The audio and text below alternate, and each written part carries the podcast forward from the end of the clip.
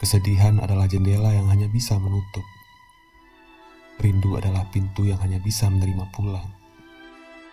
Sementara perasaan yang berkelayut di lampu kamar, berserak di meja makan, membeku di bangku taman, adalah rasa-rasa yang gagal diberi pengertian.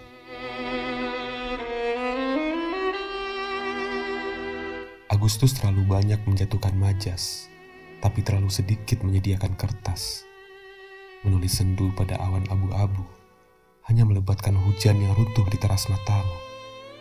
Padahal matamu sedang tak ingin ditumbuhi oleh apa pun, selain kesedihan dari wajah seorang perempuan.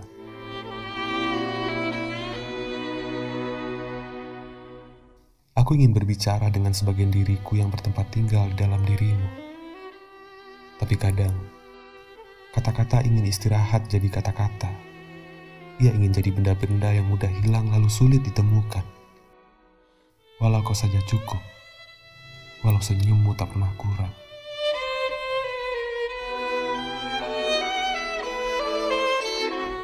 Kau bisa melihat banyak hal pada tubuh langit, hanya bila kau membacanya seperti buku gambar masa kecilmu. Apakah kau melihat warna langit hari ini? Dia ada di dalam kepalaku. Mungkin juga ada di dalam kepalamu.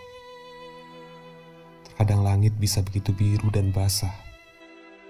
Bila terlalu banyak orang-orang yang menerbangkan rindu, kemudian mereka menyerah.